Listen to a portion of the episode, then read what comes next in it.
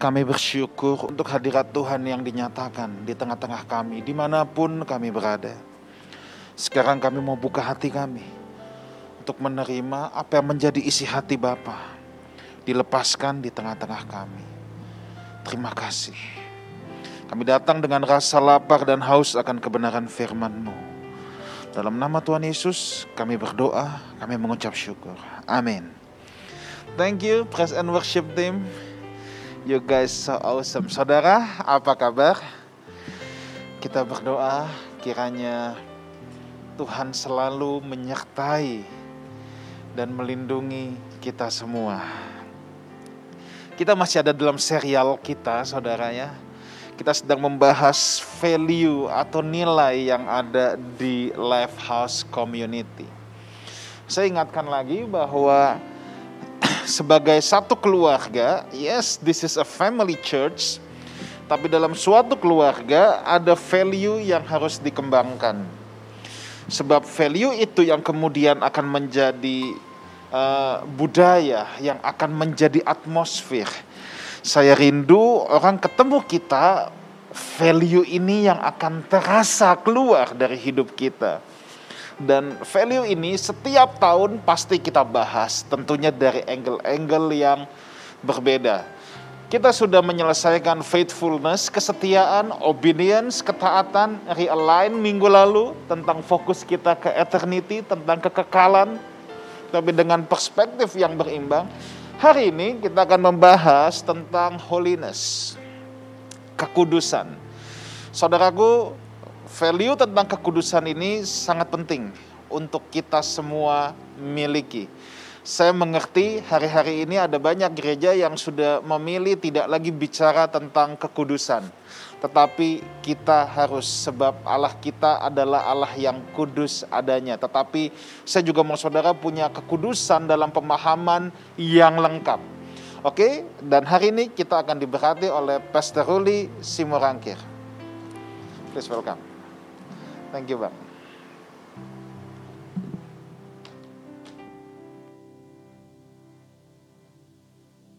Nah, hari ini saya akan menyampaikan suatu topik yang sebagaimana tadi disampaikan oleh Pastor Wigan, yaitu tentang kekudusan. Kekudusan ini adalah sesuatu adalah suatu nilai yang harus dipunyain sama semua orang percaya di seluruh muka bumi. Dalam konteks dan perspektif Lifehouse, saya mau bilang begini, terserahlah, sekalipun misalnya di seluruh dunia ini nggak ada orang yang kudus, tapi di Lifehouse kita harus memiliki keinginan, kerinduan, usaha yang sungguh-sungguh untuk menjadi orang-orang kudus bagi Tuhan. Semboyan kita di Lifehouse ini tentang kekudusan adalah sebagai berikut kami percaya bahwa kekudusan merupakan, ingat ini, identitas. Dan kedua, fondasi bagi setiap orang percaya. Nah tapi mesti diakuin sih, mesti diakuin bahwa kekudusan belakangan ini menjadi topik yang rada kurang dibicarain di banyak gereja atau mungkin bisa dibilang dihindari untuk dibicarakan. Kenapa? Karena banyak orang yang berpikir bahwa dirinya nggak bakalan pernah kudus. Jadi daripada bicara, daripada gereja bicara tentang sesuatu yang menakutkan untuk banyak orang percaya, atau kalau pakai bahasa hari ini, sesuatu yang basi, mendingan udah deh, untuk amannya aja nih, ya udah nggak usah diomongin. Gereja yang menghindari bicara tentang kekudusan, maka kemudian mereka akan bicara tentang moralitas umum. Mereka akan bicara mengenai orang-orang yang baik secara moral, orang-orang yang baik di dalam kelakuan, dan selanjutnya. Tapi ada lagi gereja, memang masih ada gereja-gereja yang semangat bicara tentang kekudusan, tapi bicara-bicara tentang kekudusan oleh gereja ini kemudian seolah-olah menggambarkan bahwa yang namanya orang kudus itu adalah orang-orang yang levelnya setengah dewa. Orang-orang yang kayak nggak penting sama kekayaan gitu. Orang-orang yang kayaknya nggak terlalu penting berprestasi, pokoknya mereka kudus. Nah, kita hari ini Lifehouse berdiri di tengah-tengah dua kutub ini. Kita tetap harus bicara tentang kekudusan, tapi kita harus punya pengertian yang objektif, yang seimbang. Yang mana ini? Kayak apa? Bagaimana caranya kita bisa menjadi orang-orang kudus di dalam dunia yang gelap dan bengkok ini? Jangan kita mikir bahwa, wah kita nggak mungkin lah jadi orang kudus. Pastor enak, memang pastor kan kerjaannya pendeta. Sebagai pendeta punya waktu untuk berdoanya banyak. Bisa baca firman Tuhan, ngerti, enak. Nah kita banyak orang yang mikir gitu. Nah kita, kita kan profesional. Kita kan pedagang. Kita kan cuma ibu-ibu di rumah. Pelajar, mahasiswa. Eh, pastor enak. Emang bergaulnya sama orang kudus. Nah kita, kita bergaul sama hantu belau. Susah dong. Bagaimana caranya kita bisa kudus? Nah ini, hari ini saya mau jelasin. Enggak, enggak, enggak, enggak. Kekudusan itu bisa dicapai oleh semua siapa saja setiap orang. Justru kekudusan itu bukan hanya dikhususkan untuk orang-orang yang pergi ke gua, bertapa, berdoa di sana, puasa sendiri, ngobrol sama monyet, sama gorila. Enggak. Kekudusan adalah untuk kita semua yang rela untuk merenungkan firman Tuhan yang akan saya sampaikan berikut ini. Nah, saya akan masuk ke dalam dagingnya sekarang. Untuk bisa ngerti tentang kekudusan, saya mau cerita dulu tentang konsepnya, konsepnya ya. Kita mesti ngerti dulu konsepnya. Tentang Bapa Maha Kudus, Allah yang Maha Setia. Sejak semula dia ciptain segala sesuatu itu indah adanya. Tof, meot, kata Allah. Ketika Allah mencipta segala sesuatu, dia berhenti dan kemudian dia memandang segala ciptaannya ini dan dia berkata, Wah ini, lihatlah, tof, meot ada sukacita, ada kegembiraan ilahi yang luar biasa. Tapi terus kelakuan dari si orang-orang yang dicipta ini, manusia-manusia ini, para ciptaan ini, semrawut. Mereka hidup suka-suka sendiri. Mereka kepengen senang-senang sendiri, mereka kepengen hebat sendiri. Hancur. Tapi dahsyatnya adalah bahwa dia adalah Allah yang chesed dalam bahasa Ibrani. Chesed, setia, maha setia. Betapapun ciptaan itu pada bandel ya. Hmm. Dia berusaha dengan segala kekuatannya. Dia berusaha dengan segala yang ada padanya untuk menyelamatkan semua manusia ini. Bukan hanya sekelompok manusia, tapi seluruh isi bumi. Bagaimana caranya? Lalu ia bertemu dengan Abraham. Dan kepada Abraham dia mengikat suatu janji bahwa nanti kamu Abraham, kamu dan keturunanmu yang banyak itu, kamu akan menjadi rekan sekerjaku. Supaya melalui kamu dan anak-anakmu ini, kita akan sama-sama menyelamatkan semua bangsa-bangsa di bumi. Nah, ketika Abraham dipilih oleh Allah, di, diangkat keluar dari semua yang bandel-bandel ini, dikatakan bahwa Abraham ini menjadi bangsa yang kodes, bangsa yang kadas. Bahasa Indonesianya, bangsa yang kudus, yang dipilih, dipisahkan dari gerombolan yang nakal, bandel, rusak, gelap itu. Kodes, kudus. Pemilihan itu dilakukan dengan suatu covenant, suatu perjanjian. Nah, supaya melalui perjanjian itu, bangsa Israel melalui Abraham menjadi milik Allah. Dengarkan ini. Ulangan 10 ayat 15 tetapi hanya oleh nenek moyangmu lah hati Tuhan terpikat sehingga ia mengasihi mereka dan keturunan mereka yakni kamu kamu yang dipilihnya dari segala bangsa seperti sekarang ini. Pernyataan Allah Bapa di dalam ulangan 10 ayat 15 itu nantinya akan ditulis dengan nuansa yang baru dalam perjanjian baru. Tapi sama nilainya, sama dikatakan begini. 1 Petrus 2 ayat 9. Tetapi kamulah, nah kamu ini udah bukan lagi orang Israel, kamu semua orang yang percaya kepada Allah melalui iman Abraham. Berarti kita tetapi kamulah bangsa yang terpilih, kodes, kudus, imamat yang rajani, bangsa yang kudus, umat kepunyaan Allah sendiri. Supaya kamu memberitakan perbuatan-perbuatan yang besar dari dia yang telah memanggil kamu keluar dari kegelapan kepada terangnya yang ajaib. Nah, ini ini kalimat-kalimat ini menarik banget dan saya mau kita belajar bareng yuk. Tulisan Rasul Petrus yang tadi itu disampaikan kepada orang biasa-biasa saja. Ingat ya, kekudusan itu bukan milik orang-orang yang pakai baju hitam, lehernya ada putihnya. Orang-orang yang dikit-dikit jalan terus berdoa, dikit-dikit puasa, dikit-dikit baca Alkitab, dikit-dikit nyanyi lagu pujian. No, kekudusan adalah untuk orang biasa-biasa aja. Yaitu bagi mereka yang waktu itu tinggal di Pontus, di Galatia, Kapadokia, Asia Kecil, dan Bitinia. Orang-orang kalem, slow, orang-orang biasa banget.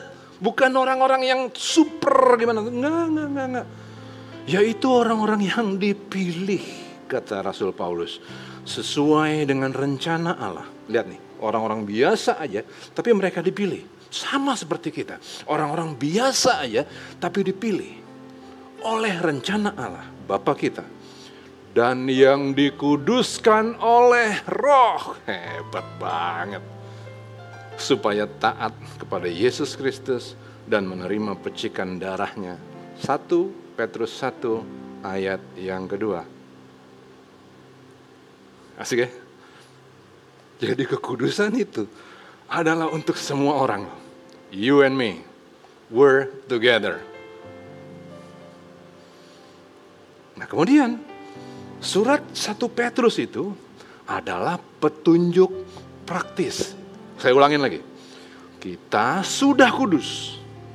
Karena Allah memilih kita Allah menguduskan kita oleh roh, semua kita yang percaya kepada Yesus melalui iman Abraham yang disebarkan oleh anak-anaknya orang Israel. Kita sekarang menjadi orang percaya. Nah, sebagai orang percaya yang dikuduskan oleh roh,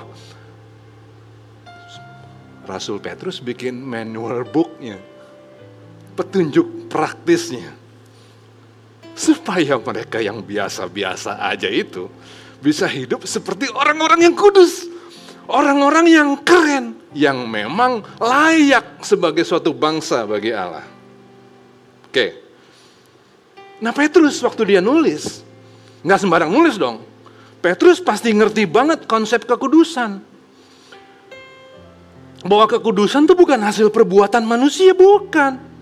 Kekudusan tuh dari awalnya emang udah Tuhan yang punya prakarsa. Bukan ke, bukan bukan yang kita bikin bikin kita kudus, enggak. Bukan puasa kita bikin kita kudus. Kemarin kapan itu saya lihat di WA, ada orang khotbah dia bilang gini, ini bukan kita nih agama lain. Saudara-saudara, enak sekali kita di rumah. Kalau di rumah kita bisa berdoa dan kita menjadi kudus. Tapi coba kita jalan keluar, ada perempuan pakai celana pakai rok pendek, jadi nggak kudus. Bukan begitu kali. Kekudusan itu bukan karena kita berdoa, bukan karena kita puasa, bukan karena kita ke gua. Kekudusan itu karena sudah memang pemberian Allah. Dan ini Petrus ngerti banget, pasti ngerti banget. Nah, di berapa kali di dalam pengajaran Life House kita sampaikan bahwa manusia yang dikuduskan itu, yang dipilih oleh Tuhan, dipisahkan itu, dianggap sebagai duta besar Allah.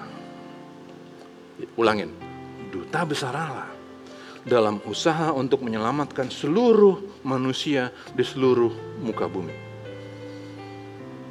Karena itu, karena Petrus ngerti banget bahwa manusia dipilih, dipisahkan, dijadikan duta besar Allah, maka kata kudus di dalam ayat itu menggunakan kata agiazo, agiazo, agiazo. Kekudusan yang diperoleh bukan melalui perbuatan, bukan melalui usaha, bukan seremonial, tapi kekudusan yang diwujudkan dalam perbuatan sehari-hari. Nah, jadi jadi orang yang kudus perbuatannya, kelakuannya, cara pikirnya pasti beda. Seperti duta besar. Nggak mungkin duta besar terus kelakuannya mislek. Nggak mungkin Nggak mungkin. Dan seorang duta besar itu pasti berwibawa, pasti mengagumkan. Kalau seorang duta besar yang sudah ditugaskan secara khusus tidak melakukan tugasnya, maka yang diaku, yang akan dilakukan kepadanya adalah dia akan dipersona non grata. Dia akan dikembalikan ke negeri asalnya dengan tidak hormat. Bapak, Ibu, saudara-saudara sekalian, Lifehouse Community, kita adalah duta besar, kita sudah kudus. Memang kita orang biasa, tapi kita adalah duta besar, kita kudus. Karena itu, ingat yang ini, ingat ini, catat, garis bawahin, tebelin, kasih merah. Kita adalah bagian dari bangsa yang kudus. Kita bukan orang biasa, kita duta besar. Sebagai duta besar, ada tanggung jawab. Kalau tanggung jawab itu tidak dilakukan, Tuhan Yesus akan berkata, pada waktu itulah aku akan berterus terang kepadamu dan berkata, aku tidak pernah mengenal kamu. Enyahlah daripadaku, kamu sekalian pembuat kejahatan. Ya, jadi kita ngerti ya, kita ini orang kudus. Orang biasa memang, tapi kita kudus, dipisahkan sebagai duta besar. Nah kemudian saya akan bagian berikutnya nih, saya akan bicara tentang tanggung jawab kita sebagai duta besar. Kita memiliki tanggung jawab berikut ini. Ditulis oleh 1 Petrus 3 ayat 15. Ini tanggung jawab kita. Tetapi kuduskanlah Kristus di dalam hatimu sebagai Tuhan. Dan siap sedialah pada segala waktu untuk memberi pertanggungan jawab kepada tiap-tiap orang yang meminta pertanggungan jawab dari kamu tentang pengharapan yang ada padamu. Tetapi haruslah dengan lemah lembut dan hormat. Inilah tugas kita sebagai duta besar Allah, orang-orang kudus bagi Tuhan. Gimana caranya? Gimana caranya kita ngelaksanain itu? Menguduskan Kristus dalam hidup kita. Saya jelasin. Ternyata bagian firman Tuhan ini terkait dengan tulisan lama yang ada di dalam Yesaya, yaitu Yesaya 8 ayat 11 sampai 12. Ya, ingat ya. Jadi tulisan 1 Petrus 3 15 ini ternyata adalah latar belakangnya orang Yahudi orang pinter nih, orang-orang belajar firman Tuhan.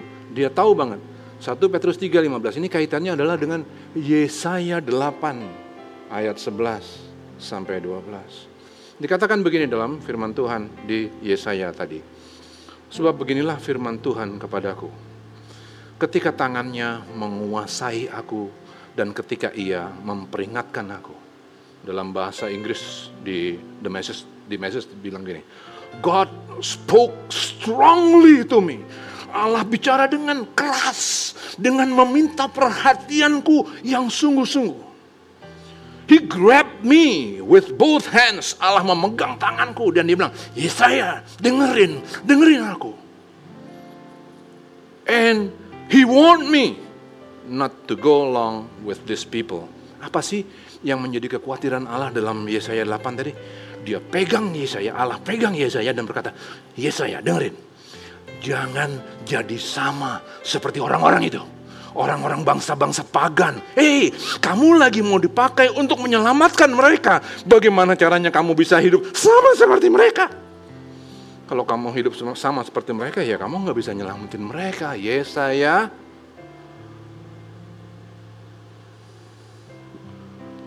Jadi orang-orang yang kudus adalah orang-orang yang menguduskan nama Tuhan. Caranya gimana? Caranya hidupnya nggak sama bos sama mereka yang lain. Hidupnya beda, cara pikirnya beda. Kepentingan-kepentingannya beda. Emang kalau bangsa pagan gimana sih? Nih, dengerin.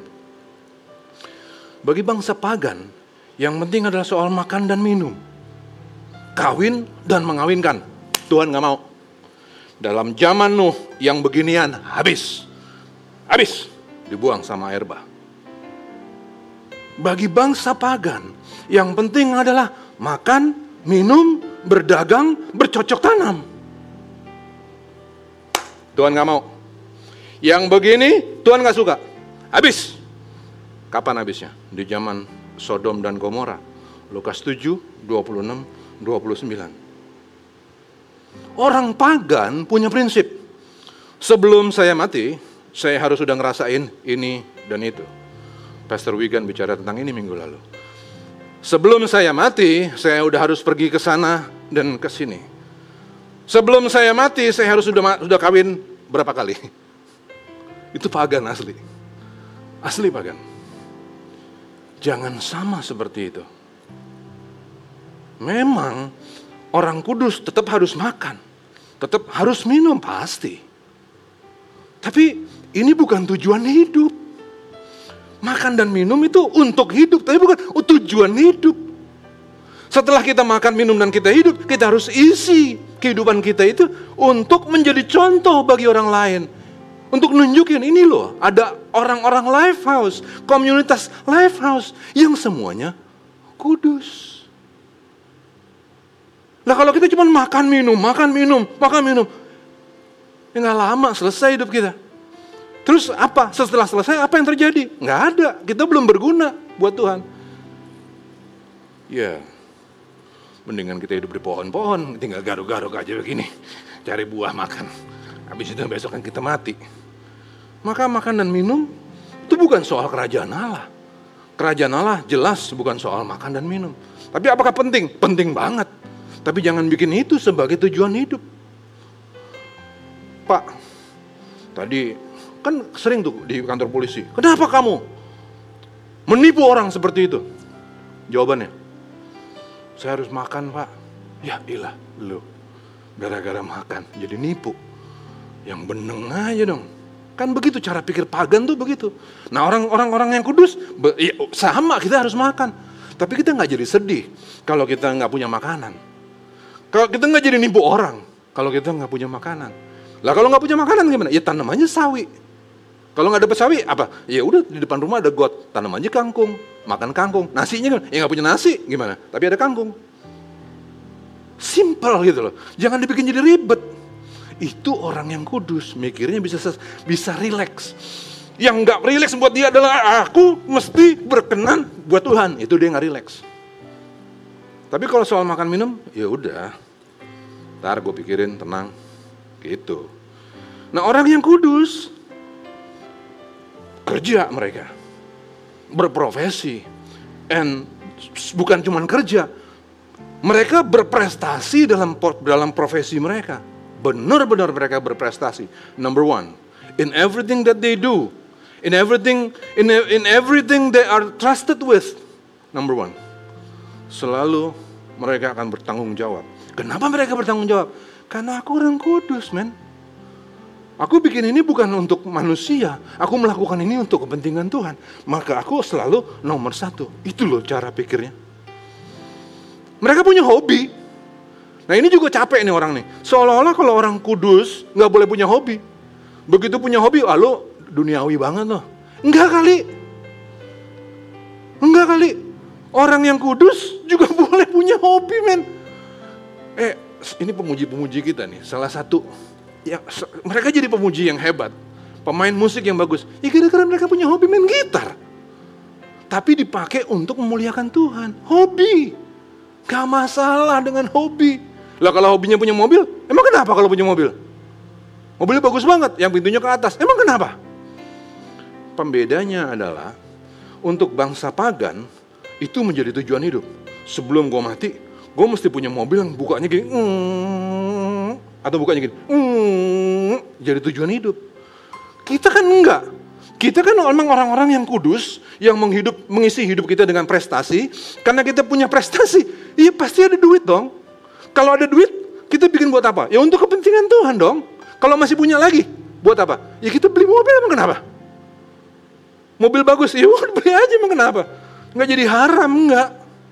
Tenang aja. Itu orang yang kudus. Tapi beda. Kalau pagan, dia nggak punya itu, dia minder. Mobil gue jelek men. Mobil gue itu tuh. Mobil rame-rame. Terus kenapa kalau rame-rame?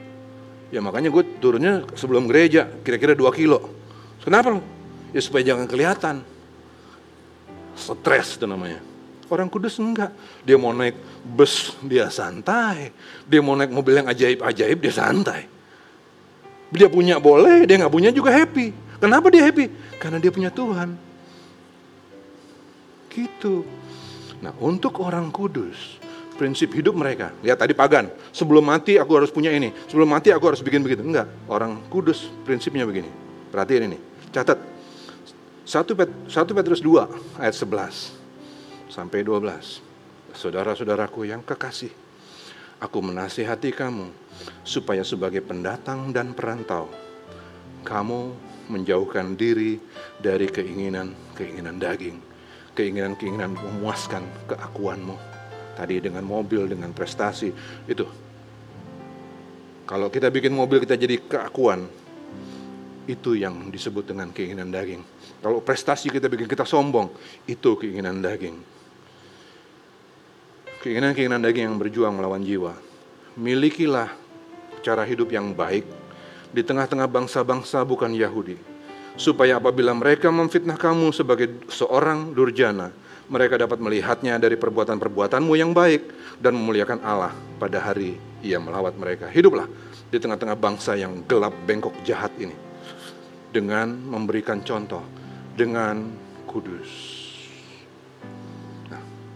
Itu tugas seorang duta besar. Tugas yang kedua dari seorang duta besar, tapi ini adalah basic dari keduta besarannya, pengutusannya adalah perkataan lidah.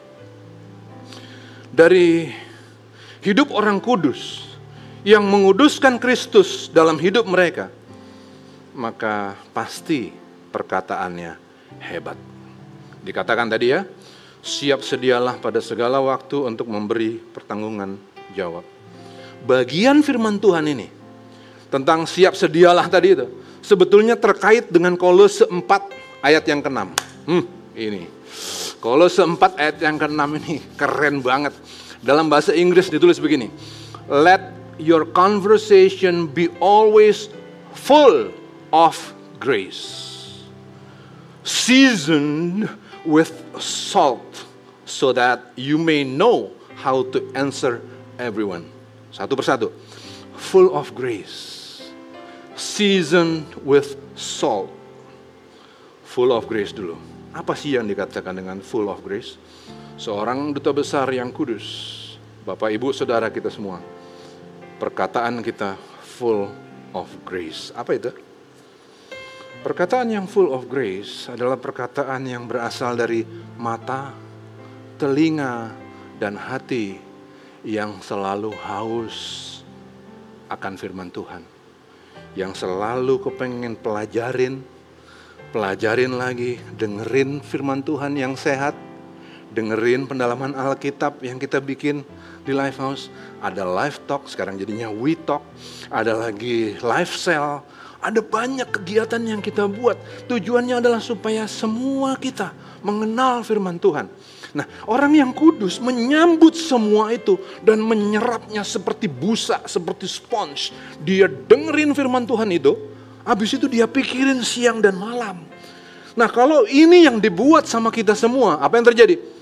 Waduh, kita menjadi bertumbuh seperti pohon yang ditanam di tepi aliran air yang berbuah pada saatnya. Kita penuh dengan hikmat. Nah orang yang penuh hikmat ini kalau dia ngomong, wah sedap didengarnya. Asik men, asik banget.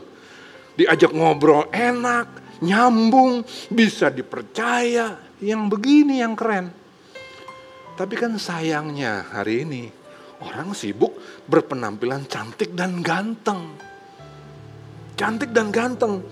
Wah itu ya kalau soal cantik sama ganteng hari ini. Coba lihat deh di IG. Saya waktu itu lihat ada ada orang mukanya asli jelek. Asli jelek. Beca sama dia mukanya lebih cakep beca. Tapi begitu dipoles nih mukanya, set, set, set, pinter banget. Diubah, set, set, set, set, set. Naksir gua. Begitu ujungnya tuh udah, udah, udah, udah, udah, udah jadi nih. Udah jadi nih, udah nggak jadi beca dia. Udah cantik banget. Ih, kok bisa jadi begini ya? Itu yang jadi persoalan hari ini. Orang-orang sibuk mengenai penampilan lahiriahnya. Tapi orang-orang duta besar yang kudus, yang menguduskan Kristus, bukan begitu. Enggak. Karena mereka sadar apa yang dikatakan dalam Amsal 3, 31 ayat 30. Amsal 31 ayat 30 katakan begini. Kemolekan adalah bohong dan kecantikan adalah sia-sia. Tetapi istri yang takut akan Tuhan dipuji-puji. Bukan hanya istri, istri suami, laki-laki ataupun perempuan yang takut akan Tuhan mereka yang mengagumi Tuhan, mereka yang mempelajari firman Tuhan, kata takut di situ artinya mengagumi. Kekaguman itu harus datang dari dari belajar yang sungguh-sungguh. Jadi orang yang mengagumi Tuhan, yang mempelajari firman Tuhan, yang menyerapnya seperti busa, mereka akan dipuji-puji. Omongannya membawa hidup. Omongannya itu selalu punya positive note bukan negatif note. Marah pun orang-orang ini, mereka marah dan memberkati. Coba lihat di banyak rumah. Waktu orang tua marah, mereka akan bilang, "Dasar kamu anak pungut." Kok bisa ngomong begitu coba? Anak anak anak anak anak kandung bisa bisa bilang, "Dasaran kamu anak pungut." Kok bisa begitu? Anak nakal, anak setan. Itu omongan orang pagan loh. Tapi orang kudus yang menguduskan Kristus dalam hatinya, dalam kemarahannya pun mereka full of grace. Karena mereka tahu firman Tuhan kencang di sini. Mereka ngerti bahwa mereka adalah duta-duta besar kudus bagi Tuhan. Maka walaupun mereka marah, perhatikan, mereka bisa marah begini. Bang, nggak benar yang kamu bikin. Kamu itu anak Tuhan. Kenapa kamu bikin begitu? Langit dan bumi bedanya. Ya, anaknya tetap dimarahin, tapi sekaligus dikasih kesadaran, dia tuh anak Tuhan. Jangan bikin begitu dong. Ya kan? Full of grace. Bapak ibu saudaraku, memang kita orang-orang biasa, bukan pendeta, cuma pedagang, profesional yang menghadapi hantu belau. Tapi nggak ada alasan bagi kita untuk menjadi sama dengan mereka dalam perkataan. Always leave a positive note. Itulah orang-orang yang menjaga lidah bibirnya. Jadi saya ulangin. Orang-orang yang kudus, kekudusan itu bukan karena perbuatan kita. Kekudusan itu sebenarnya adalah suatu anugerah yang Tuhan berikan kepada kita. Nah, dalam kekudusan itu kita memiliki tanggung jawab apa tanggung jawabnya? Kuduskanlah Kristus di dalam hatimu. Bagaimana caranya? Caranya adalah pertama, ingat, kamu memang harus kerja. Tapi bukan kerja adalah hidupmu. Kamu harus punya rumah tangga, oke. Okay. Tapi kalau nggak punya rumah tangga, bukan itu hidupmu. No problem. Jangan jadi minder. Jangan jadi ini yang kita urusin. Kamu harus berprestasi dalam pekerjaanmu. Kamu harus menjadi berkat buat orang lain melalui apa yang kamu miliki. Good. Itulah orang-orang yang kudus. Kemudian, sebagai orang-orang yang kudus, perhatiin perkataanmu. Perkataan yang keluar dari mulutmu itulah yang menajiskan. Itu yang jahat. Orang yang kudus menyerap firman Tuhan seperti busa. Dia merenungkannya siang dan malam. Dia berbuah seperti pohon yang tanam tepi aliran air. Dan kemudian ketika ia berkata-kata, ia memberkati orang lain. Dalam marahnya pun dia tetap meninggalkan positive note. Dia tetap membangun.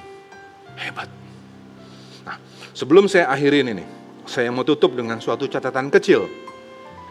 Mungkin ada bapak ibu yang mikir gini, kalau gitu pak, orang-orang yang pinter, berprestasi, orang-orang yang menyenangkan dalam perkataan, apakah mereka orang-orang yang kudus?